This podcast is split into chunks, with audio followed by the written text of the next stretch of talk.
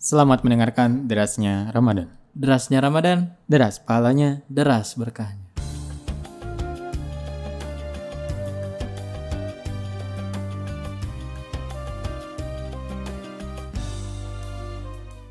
Assalamualaikum warahmatullahi wabarakatuh. Waalaikumsalam warahmatullahi wabarakatuh. Ya, Denny dan para pencari rezeki yang dirahmati Allah, apa kabar nih? Alhamdulillahirrahmanirrahim. Ini dik, eh, mungkin sekarang-sekarang itu biasa seperti mungkin beberapa waktu apa ya, mungkin Ramadan-Ramadan sebelumnya gitu ya.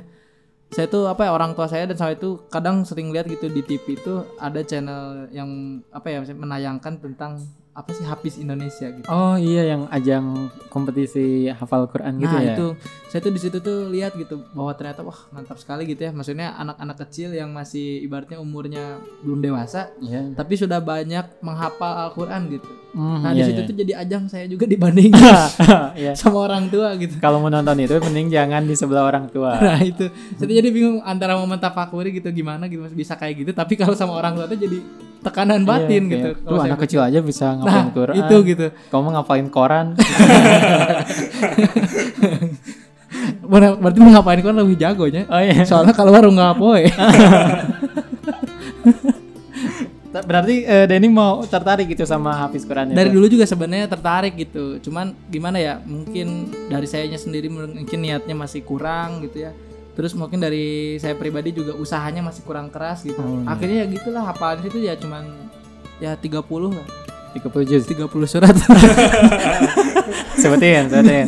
Anas. jangan dong kebanyakan takutnya nggak 30 malah yang pasti Al-Fatihah lah ya. ah, itu al-fatihah pasti satu nggak mungkin nggak tahu sih berapa pokoknya dulu sempat saya juga sih sempat hafal gitu juz 30 tuh cuman ya mungkin karena jarang dipertahankan juga gitu jadi mungkin kayaknya kalau dites ulang lagi eh, udah lupa lupa, Lupa, lah banyak lupanya sedikit ingatnya lah. Kayaknya. Kalau gitu saya punya solusi nih. oh gimana tuh Ya, caranya Ada nih eh, mungkin ada teman saya yang bisa memotivasi Denny gitu. wah emang siapa tuh dik kalau boleh tahu Ya lihat aja di depan. ya kan para pencari rezeki Oh, para tidak pencari bisa melihat dong hanya mendengar nah itu Ya ini ya kita udah kehadiran dua sosok manusia yang punya hafalan banyak, masya allah lebih banyak daripada kita.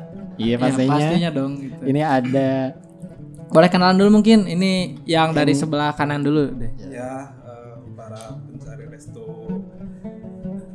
Eh, perkenalkan eh, nama saya Ja'far Eskoli asal dari mana? Eh, saya asli eh, ya lahir ya lahir itu dari eh, Nusa Tenggara Timur Kabupaten Alor Pulau Buaya. Dan sekarang domisili di Cimahi Lewi Gajah. Kesibukan Eh, kesibukan itu hari Senin sampai Kamis kesibukan mengajar di SD Tahfiz. Kemudian Jumat Sabtu itu kuliah ya kuliah karyawan. kelas karyawan. Iya. Kalau minggu Kalau minggu kesibukan Main bersih-bersih masjid. Kemudian di waktu selang ya main PS kan. itu rutinitas yang tidak pernah ditinggalkan. Tapi nggak apa-apa kok. Berarti sehari harus ada refreshing lah katakan ya. Setelah mungkin eh, apa namanya sekitar enam hari ya kegiatannya semua serius kan ya dari mengajar terus kuliah kelas karyawan yang nggak masalah gitu. Iya. Jadi ada waktu untuk refreshing lah satu hari di hari Minggu itu. ya betul sekali. Emang suka main game apa? Kang? Ya game favorit itu ya bola, Oh bola, bola. FIFA, winning. atau PS na PSG. PS nih, Pak. FIFA kan. Oh FIFA. FIFA. FIFA berapa? FIFA 2000 2006. Dan kalah mana? 2021. Oh, dari yang yang ya. terbaru. Oh, berarti Baru, PS4 dong. Ya, PS4. Wah, masya Allah mantap sekali. Dari hasil ini berarti ngajar. kan?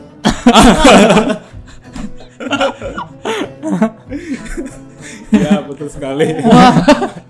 ya, hasil ngajar ya kali-kali lah main game lah. Ya gamenya juga agak macam-macam bola aja gitu. Oh, iya. Gitu.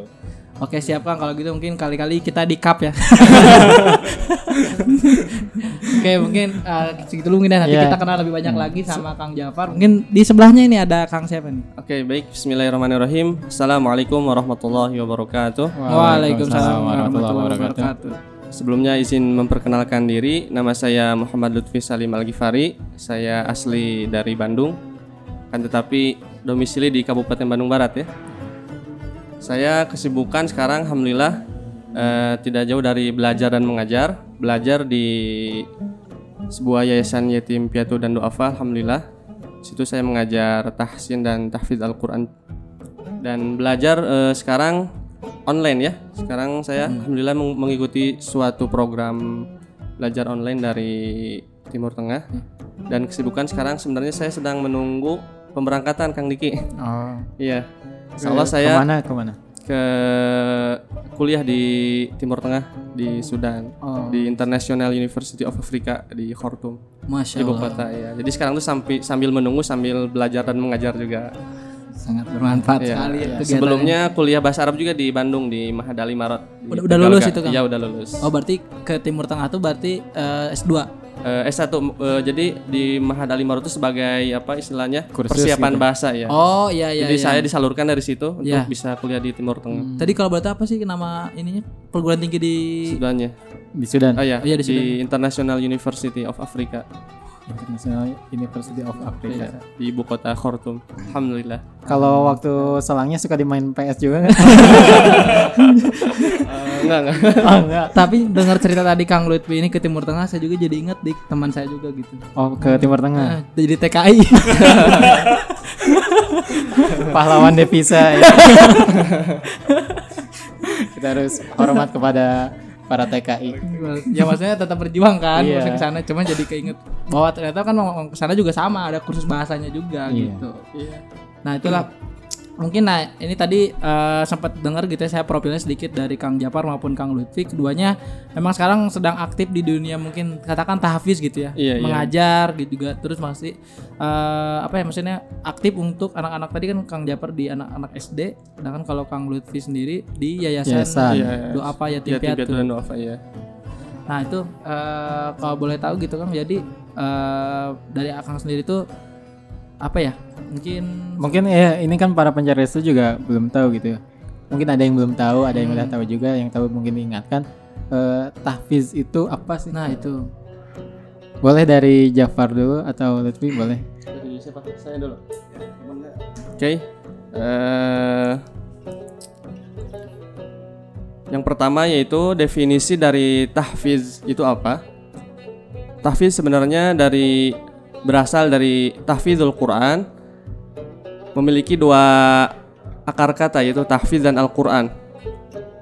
Tahfiz memiliki arti yaitu menghafal berasal dari kata kalau kita belajar bahasa Arab yaitu tahfizon yang memiliki memiliki arti menghafal atau berasal dari akar kata fi'il madi eh, tahfizon yang yang memiliki arti menghafal. Kemudian Al-Qur'an sama Al-Qur'an pun memiliki arti dari qara'a yaqra'u Qur'anan yaitu artinya bacaan. Jadi tahfizul Qur'an yaitu tahfizul Qur'an memiliki dua akar kata tahfiz dan Al-Qur'an jika digabungkan menjadi tahfizul Qur'an. Kalau tahfiz yaitu artinya di mana proses kita mengulang suatu pelajaran terus-menerus atau secara kontinu. Sedangkan Al-Qur'an itu yang tadi disebutkan bahwasanya eh, Al-Qur'an itu sebuah bacaan yang di mana arti dari Al-Qur'an sendiri yaitu sebuah kalamullah. Al-Qur'an huwa kalamullah eh, al-munazzal bilafzihi lafaz yang merupakan sebuah kemukjizatan, kemudian wal muta'abbad bi tilawatihi, kemudian sebuah ibadah jika kita membacanya eh, al muftatahu bi suratil Fatihah yang dimulai dengan surat Al-Fatihah wal muntaha bi suratin Nas yang diakhir dengan surat An-Nas.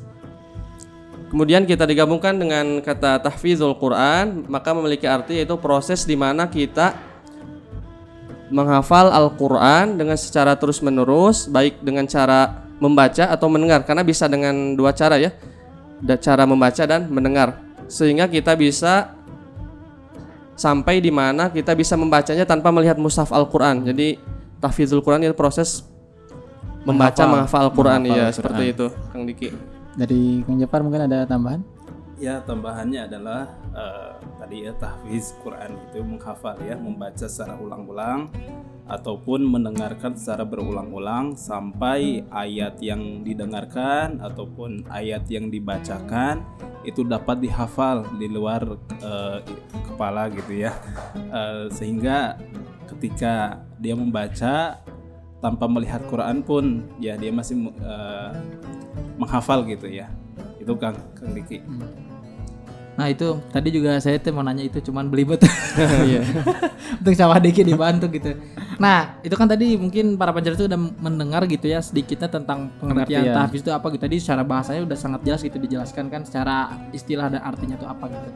Nah eh, cuman yang saya tuh eh, mungkin apa ya eh, kurang tahu mungkin bisa dijelaskan juga mungkin sama Kang Lutfi ataupun Kang Jafar gitu. Kan di acara CIP itu kan namanya tuh Hafiz Indonesia ya. Iya, Hafiz iya. Quran. Ya Nah, betul sekali. saya tuh kira tuh itu perlombaan untuk yang seluruh namanya Hafiz gitu. Bukan, bukan. Ternyata kan pas yang nonton ada yang namanya Musa, ada yang Aisyah gitu. Nah jadi kalau boleh tahu seseorang tuh dikatakan Hafiz itu eh, ketika apa gitu atau bagaimana? Ya. Eh, seorang yang dikatakan hafal Quran ya, yaitu dia menghafal saat ketika dia bisa membaca hafalan tersebut tanpa melihat Quran. ya, tanpa Dan- melihat mushaf Al-Quran. tanpa melihat mushaf Quran.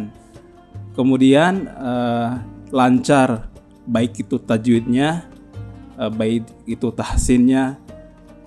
Kemudian eh, dibenarkan oleh eh, para ahli juga gitu. Kayak gitu. Ya, mungkin dari Kang Lutfi Ya. mau menambahkan? menambahkan yaitu dan hal yang lebih penting dari hafizul Quran itu ya orang-orang yang sudah pasti mereka hafal Al-Quran di luar kepala atau tanpa melihat akan tetapi yang lebih penting yaitu hafizul Quran itu yaitu orang-orang yang di mana setelah mereka hafal Al-Quran mereka pun bisa mengaplikasikannya dalam kehidupan sehari-hari ya mengamalkannya karena ada beberapa juga yang cuman hafal akan tetapi dalam kehidupan seharinya ber- sangat berbeda dengan apa yang mereka baca gitu ya dengan nilai-nilai apa yang ada di, al- di dalam Al-Quran Iya betul. jadi makna hafiz Al-Quran yang sesungguhnya itu di mana orang yang bukan hanya hafal Quran saja tapi mereka bisa yang lebih penting apa mengapli- mengaplikasikan dalam kehidupan sehari-hari. Jadi mentadaburi Iya. nilai-nilai Al- Iya. Iya. Al-Quran tersebut ya. Jadi ya ahlul Quran kan Iya, kalau ahli. dia tuh kan intinya membaca ada tingkatannya ya membaca kemudian udah bisa membaca ya menghafal. Kemudian udah bisa menghafal kemudian dipahami. Setelah dipahami kemudian diamalkan. Dan ini disebutnya ahlul Quran. Jadi menghafal pun tidak cukup gitu. Menghafal pun tidak cukup eh, tentunya kita harus mengaplikasikan dalam kehidupan kita sehari-hari. Seperti itu Kang Diki Kayak untuk eh, Hafiz Quran ini berarti itu suatu amalan ya, suatu Iya. amalan yang baik juga untuk eh, kita yang mengamalkan eh, hal seperti ini. Ada nggak sih keutamaan dari seseorang yang menghafal Al-Quran itu?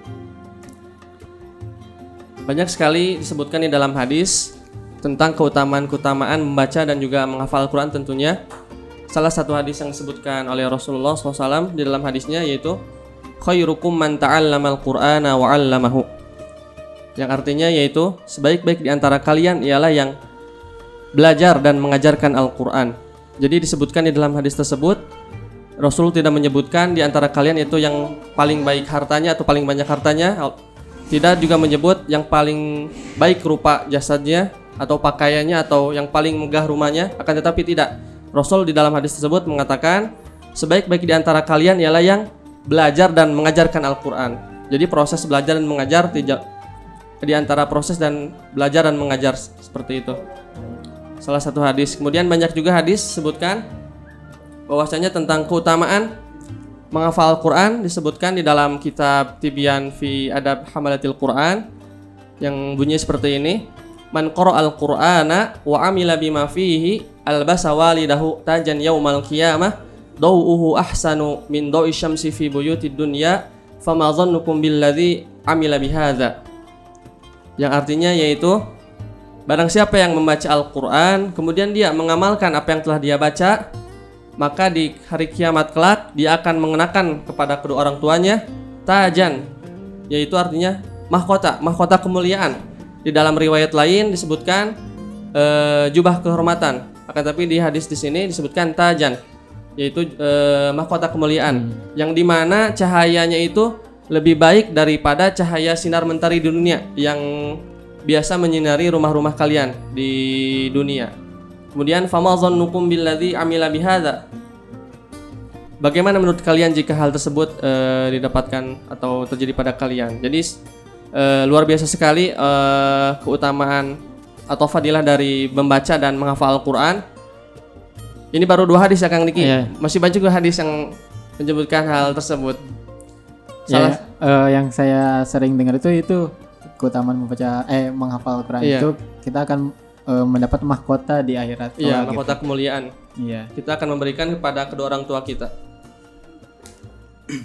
Dari Jafar mungkin Ya, ada seperti yang saya dengar dari para guru ya, para guru yang guru-guru tak guru-guru saya yang mengajarkan hafalan kepada saya gitu kan. Kang Diki eh, mereka dahulu mereka gitu ya.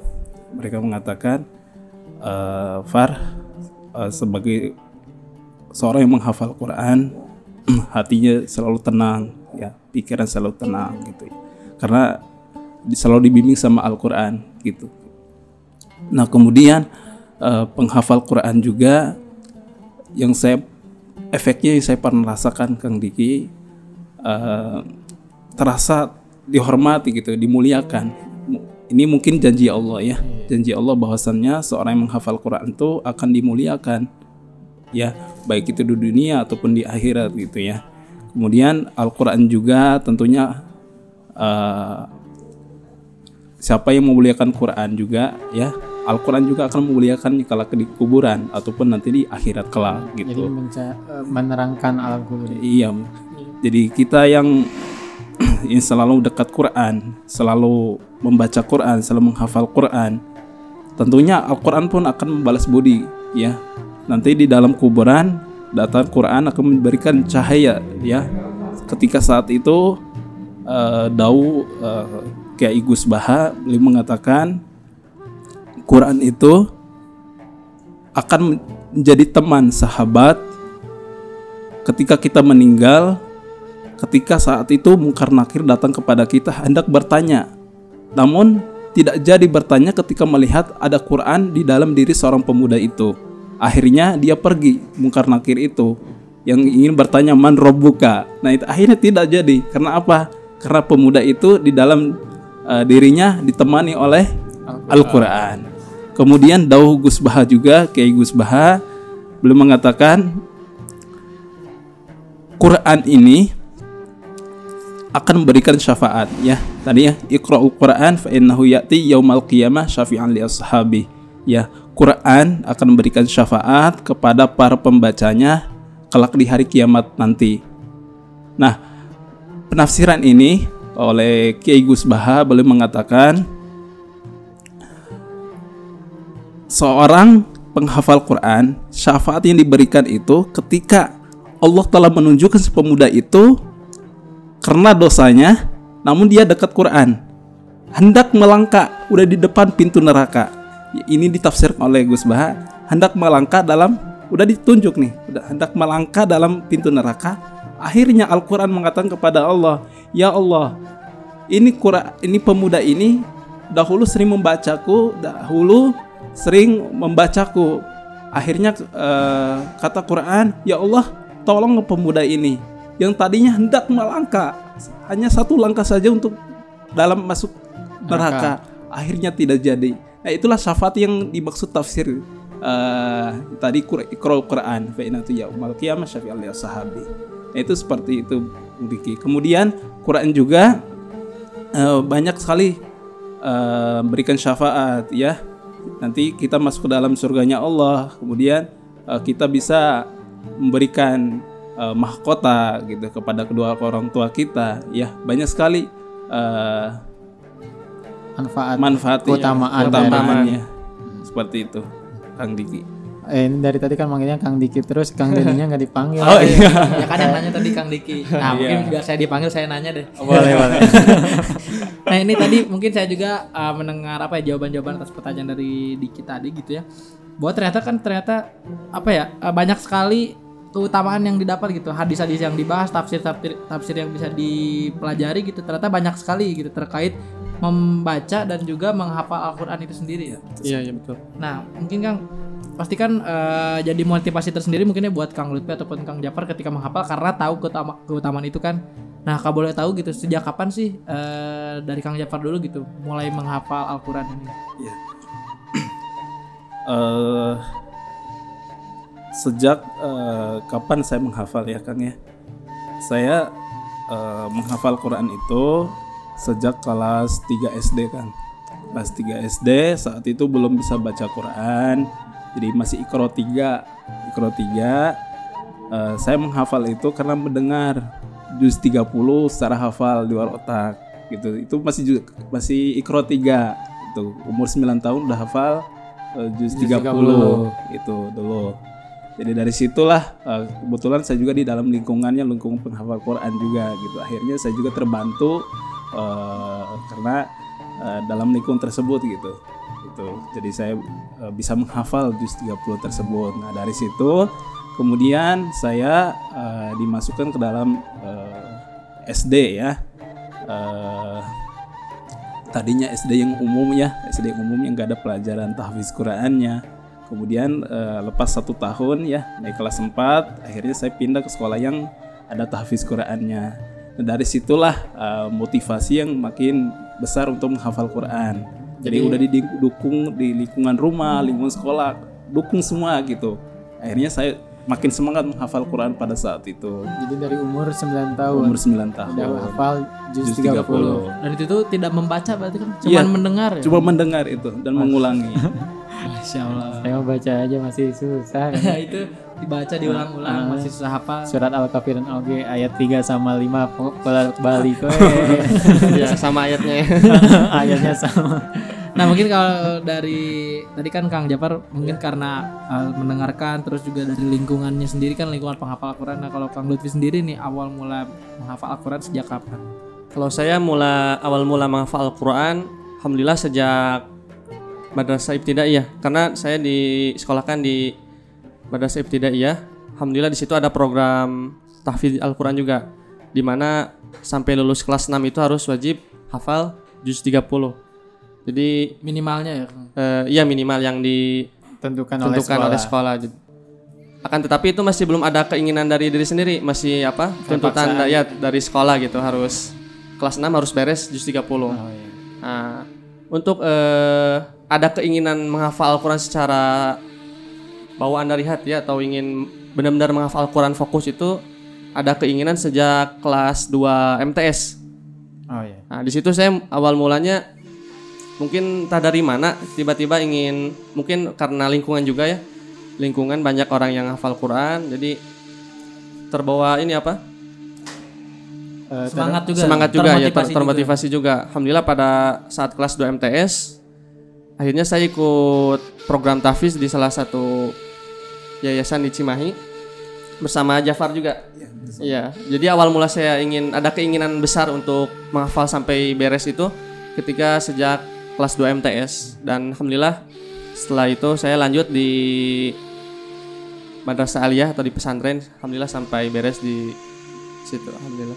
Jadi memang dari sejak dini ya gitu Iya, ya. alhamdulillah. Terus ngelihat lingkungannya juga Iya, mem- mempengaruhi kita eh, semangat untuk Nah itu benar banget walaupun awalnya mungkin ya karena tuntutan lah. Iya. ya bahwa tuntutan untuk lulus sekolah tapi kan ketika memang dijalaninya dengan serius kemudian juga lingkungan sekitar yang memang mendukung akan hal itu gitu ya. Akhirnya termotivasi sendiri juga gitu. jadi suatu kemudahan juga mungkin Iya, ya. iya. nah itu. Tapi menurut saya sih bukan jadi apa ya ah, akhirnya para para pencari itu beranggapan wah ini mah karena Kang Japar Kang Lutfi dari kecil Oh, lingkungannya udah bagus gitu. Nah sebenarnya kan tadi udah disebutin ya eh, ketika manfaat-manfaat dan syafaat-syafaat berdasarkan hadis ataupun tafsir-tafsir tadi yang udah dijelaskan gitu. Sebenarnya itu bisa jadi motivasi yang lebih gitu ya. Dulu tuh kan mungkin waktu kecil anggapannya motivasinya hanya karena teman-teman sekitar gitu. Iya, iya, malu betul, kalau malu kalau misalkan kita nggak hafal sendiri kan Iya. mungkin kayak lebih kayak gitu. Nah, harusnya lebih termotivasi ketika udah tahu manfaat yang diberikan oleh Allah gitu yang dijanjikan itu ternyata lebih besar gitu. Ataupun ya katakan eh, sangat besar dibandingkan cuman sekedar rasa malu dengan teman-teman Iya. sekitar gitu. ya tadi juga yang eh, karena melihat dan mendengar ya mendengar eh, cerita dari Jafar dan Lutfi tentang mereka memulai untuk menghafal Al-Qur'an kayak gitu ya dari sejak ya usia yang dini gitu ya dari Jafar dari umur 9 9 tahun Lutfi juga dari Iya, SD dari juga SD, udah iya. udah dituntut untuk menghafal Al-Qur'an nah ada nggak tantangan atau hambatan yang dialami ketika menghafal boleh Jafar dulu. Oh iya. Ya. eh, tantangan dalam menghafal Quran itu banyak sekali Kang Diki. Ya, Oh, boleh diceritain Iya. salah satunya mungkin. ya salah satu yang paling monumental Monumental. ya tentunya eh, wanita gitu. Oh, oh, jadi pernah terjebak oleh eh Racun racun dunia ya. racun dunia. gitu. Gi- Gimana tuh pengalaman eh, itu? Itu berarti yang menghambat ya? Itu yang Yang menghambat menghambat. banget Ya. Kang Diki. Gimana itu boleh? Jadi saat itu kan eh, dahulu lah ya, dahulu MTS saya berdoa kepada Allah, ya Allah saya sekali masuk pesantren, Hmm. masuk pesantren. Tapi belum belum bisa gitu ya. Akhirnya dikabulkannya pada saat setelah lulus SMA. Ya, setelah lulus SMA, kemudian saya mau masuk pesantren bersama Kang Diki, eh Kang Diki. Biasanya udah kalau kalau kelihatan komentar banget. bersama Kang Lutfi ya eh, di pesantren di Cililin ya pesantren tahfiz di Cililin Eh, saya menghafal Quran pada saat baru satu bulan Kang Diki baru pertama kali masuk pesantren satu bu- satu bulan kemudian eh, saya main Facebook kan awalnya Oh, mengenal main wanita ini Facebook. main Facebook ya. kemudian eh, mungkin gangguan ya emang Iya. saya pertama kali eh, masa-masa puber ya Iya. tadi saya dari SM, SD MTS SMA tidak mengenal pacaran Hmm. ya di mungkin puber saya telat kak gitu telat jadi saya setelah SMA nah baru saya itu kayak agresif banget puber saya tuh Jadi menggebu-gebu ya gebu-gebu perasaannya. Karena baru pertama kali mungkin. ya, Ya. baru pertama kali mengenal wanita kemudian dia mengatakan hal yang mungkin ya cinta-cintaan Ya, lah Kang Diki. hal yang manis Ya, gitu ya. baru satu bulan ya Allah ini ujian sangat besar gitu. Jadi itulah awal mula eh, yang sangat mengganggu saya dalam menghafal Al-Quran. Eh, selama satu bulan dua bulan itu mengganggu banget Kang Diki. Jadi pikiran kita terganggu. Ketika menghafal pun ya Kang Diki ketika baca ayat ayatnya eh, datang iklan Kang Diki. Iklan Tiba-tiba- wanita itu masuk datang gitu. Tiba-tiba ada wanita itu gitu ya, Iya. selintas di pikiran. selintas di pikiran. Akhirnya yang kita hafal dengan susah payah Hilang. hilang begitu Kang Diki. Ya gitu. Nah inilah salah satu maksiat Kang Diki ya Ah. yang mungkin tidak boleh di diikuti oleh para pencari restu ya. Iya. nah itu ya. Jadi hati-hati dengan wanita gitu ya dengan lawan jenis ya. dengan lawan jenis ya Itu dari Jafar ya pengalamannya. pengalaman Kalau dari Lutfi nih. Kalau saya tantangan dalam proses menghafal Al-Quran mungkin rasa malas ya mungkin yang paling yang paling menantang itu. Kadang terkadang kita di mana di suatu saat sedang semangat-semangatnya kan tetapi suatu saat pula terkadang kita malas karena mungkin gangguan dari Hal, hal duniawi. ya, hal duniawi ya mungkin sifat rasa malas ini yang menjadi tantangan bagi para penghafal Al-Qur'an selama mereka proses menghafal Al-Qur'an. Karena biasanya mereka eh, apa namanya? semangat hanya di awal doang. Iya, iya. Akan tetapi ketika pertengahan atau bahkan ketika mau beres itu semakin malas rasa sifat malas semakin, semakin meningkat berat ya, ya. semakin berat. Jadi gitu. ketika menjalani Ketika kerasa menjalani. banget ya. Iya, kerasa banget. Jadi sifat malas ini yang mungkin paling saya rasakan ketika proses menghafal Al-Qur'an. Nah berarti mungkin eh, kurang lebih mirip sih masalahnya gitu. Tadi Kang Lutfi karena timbul rasa pemalas gitu ya. Nah kalau Kang Japar masalahnya karena pemalas gitu. Female. Female. Mirip-mirip lah ya. Mirip-mirip. ya para pencari restu mungkin lagi mikir sekarang. Pemalas female. Ah. Harus yang pintar. nah mungkin tadi sudah dijelaskan ya. Maksudnya kan hambatan setiap orang itu berbeda gitu Kang ya. Iya. Selain eh, mungkin katakan kesulitan untuk menghafal gitu ya. eh, selain hambatan-hambatan tadi, ada nggak sih pengalaman yang mungkin paling berkesan ketika lagi apa ya proses untuk menghafal atau jadi tahfiz itu gitu, menjadi hafiz itu dari Kang Lutfi dulu ya. Pengalaman yang mungkin nggak bisa dilupakan lah yang paling berkesan selama proses untuk menghafal gitu.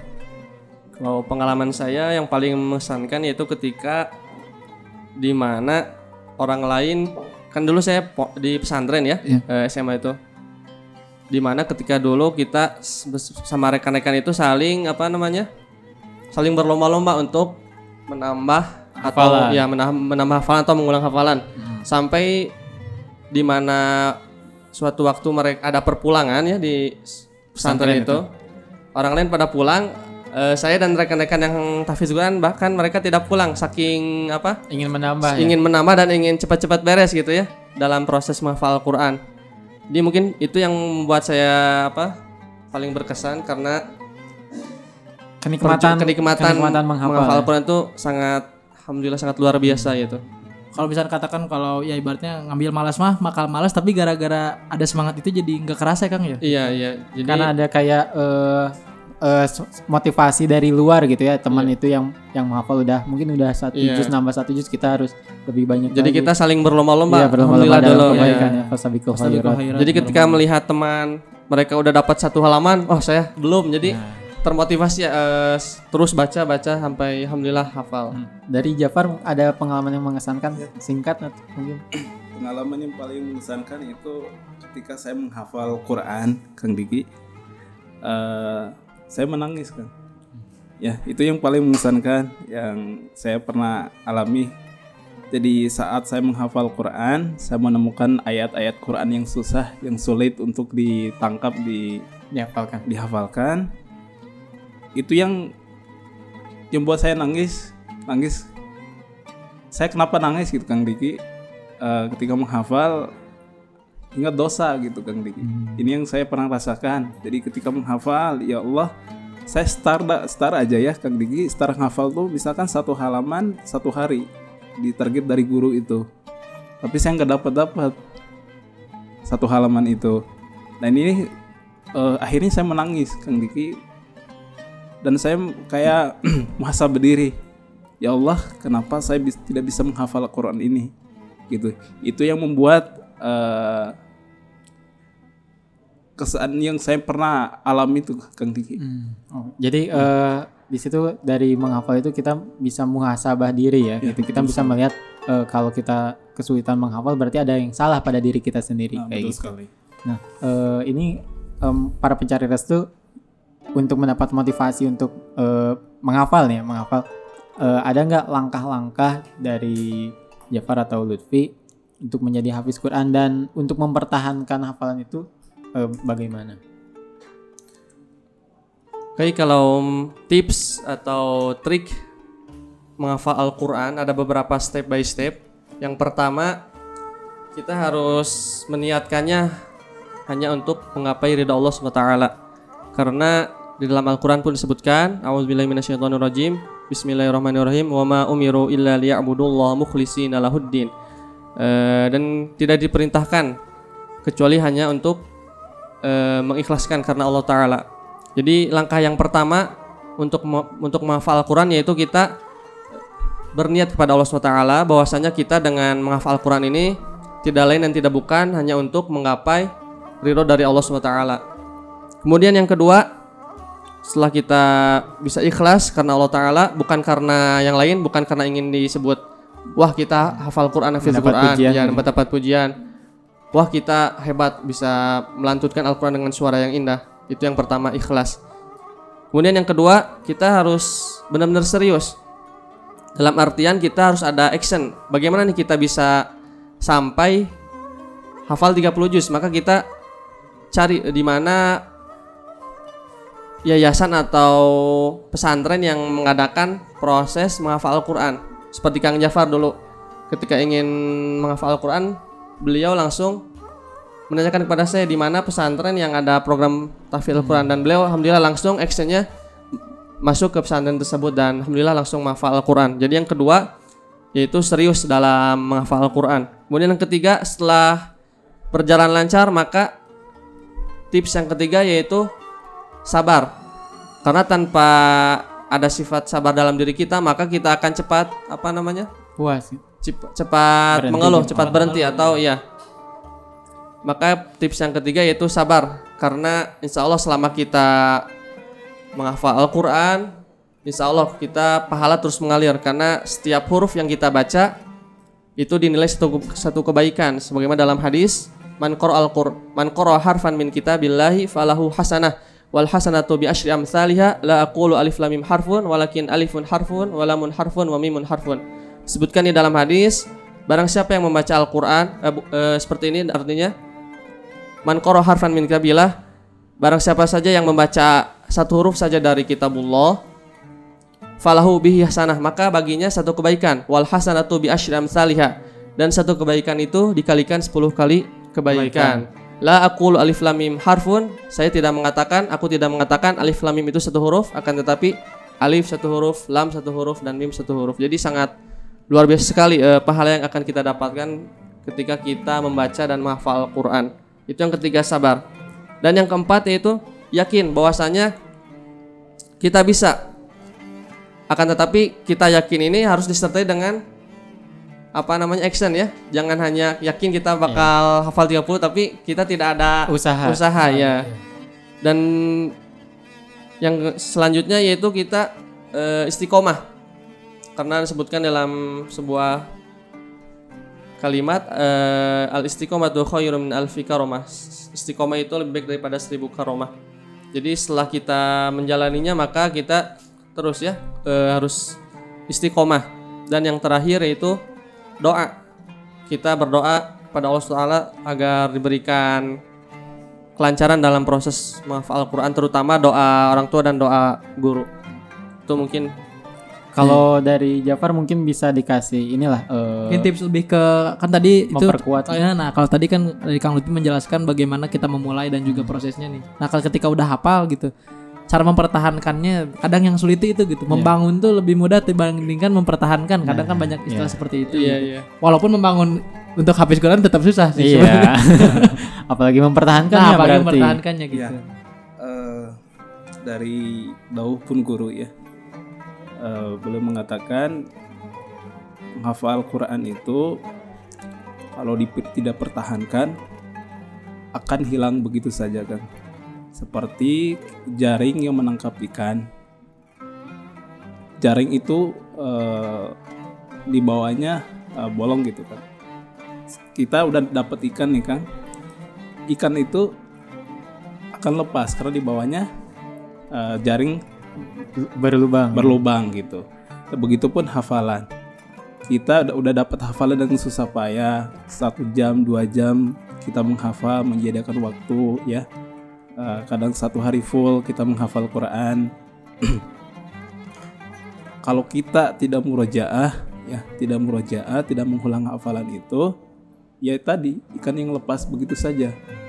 Hafalan begitupun hafalan gitu ya. Ya kalau tidak diulang-ulang dibaca berulang-ulang hafalan itu yang sudah dihafal akan lepas hafalan tersebut gitu. jadi itu eh, tipsnya untuk mempertahankan hafalan itu dengan murojaah Roja. Iya, meroja, mengulang-ulang. mengulang kembali Mungkin bisa ya di ketika sholat mungkin ya Kang ya Iya, dibacakan iya, gitu sholat. atau mungkin ya saat ada kesempatan luang kita sambil terus diulang-ulang gitu Iya, dibacakan. betul sekali.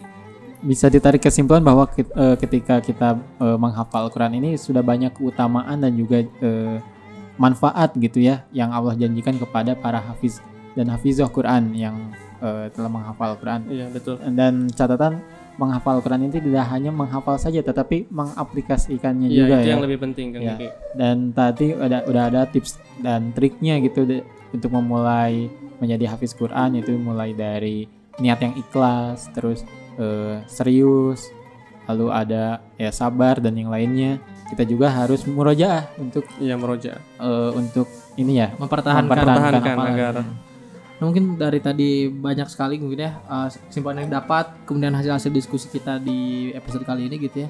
Dan ini mungkin khususnya buat uh, saya sama Diki mungkin ya.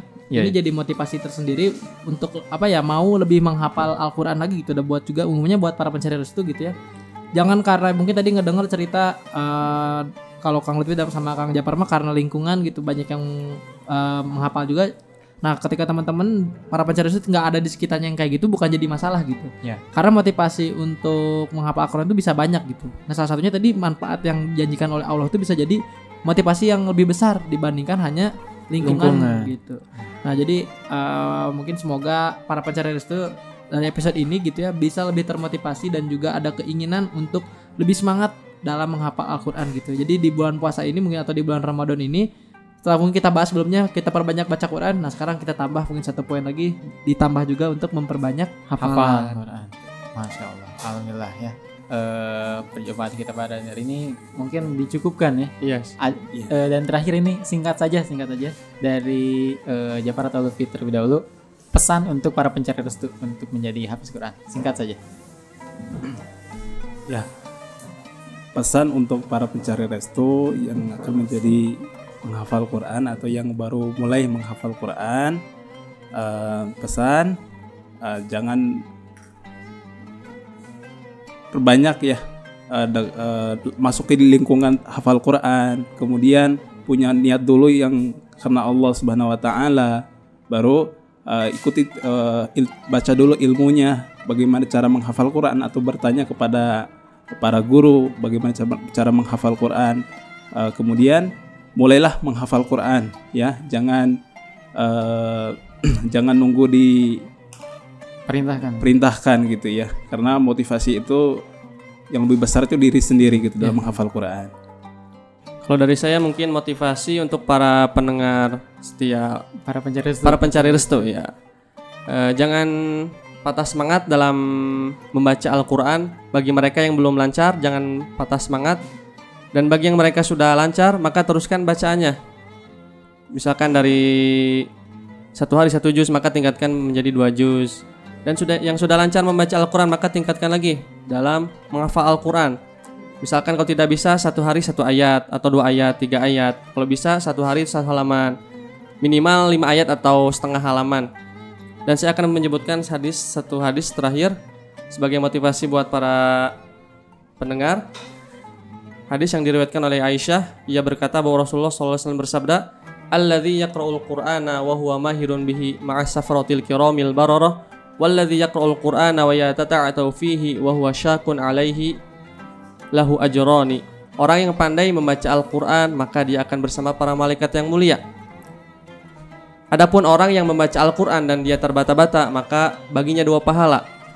Yang pertama, pahaya, pahala membaca Al-Quran, dan yang kedua pahala belajar memperbaiki bacaan Al-Quran. Semoga eh, para pencari restu termotivasi dan terima kasih kepada Kang Jafar dan juga Kang Lutfi yang telah memberikan mot- eh, motivasi apa pun itu dari Hafiz Quran. Nah itu eh, semoga para pencari restu bisa termotivasi dan juga kita semua apa ya namanya lebih semangat diberikan juga tidak hanya sekedar niat tapi action karena tadi kata Kang Jabar juga yang penting itu adalah memulai gitu setelah kita punya niatnya. Baik, kita mungkin kita tutup perjumpaan kita pada hari ini dengan ucapan hamdalah dan kifatul majelis. Allah. Alhamdulillahirabbil alamin. Subhanakallahumma wa bihamdika asyhadu an la ilaha illa anta astaghfiruka wa atubu ilaik. Saya Dikira Matirawan, Saya Deni Nugraha. Saya Muhammad Lutfi Salim Al-Ghifari. saya Jafar Eskoli pamit undur diri. Wassalamualaikum warahmatullahi wabarakatuh. Wabarakatuh.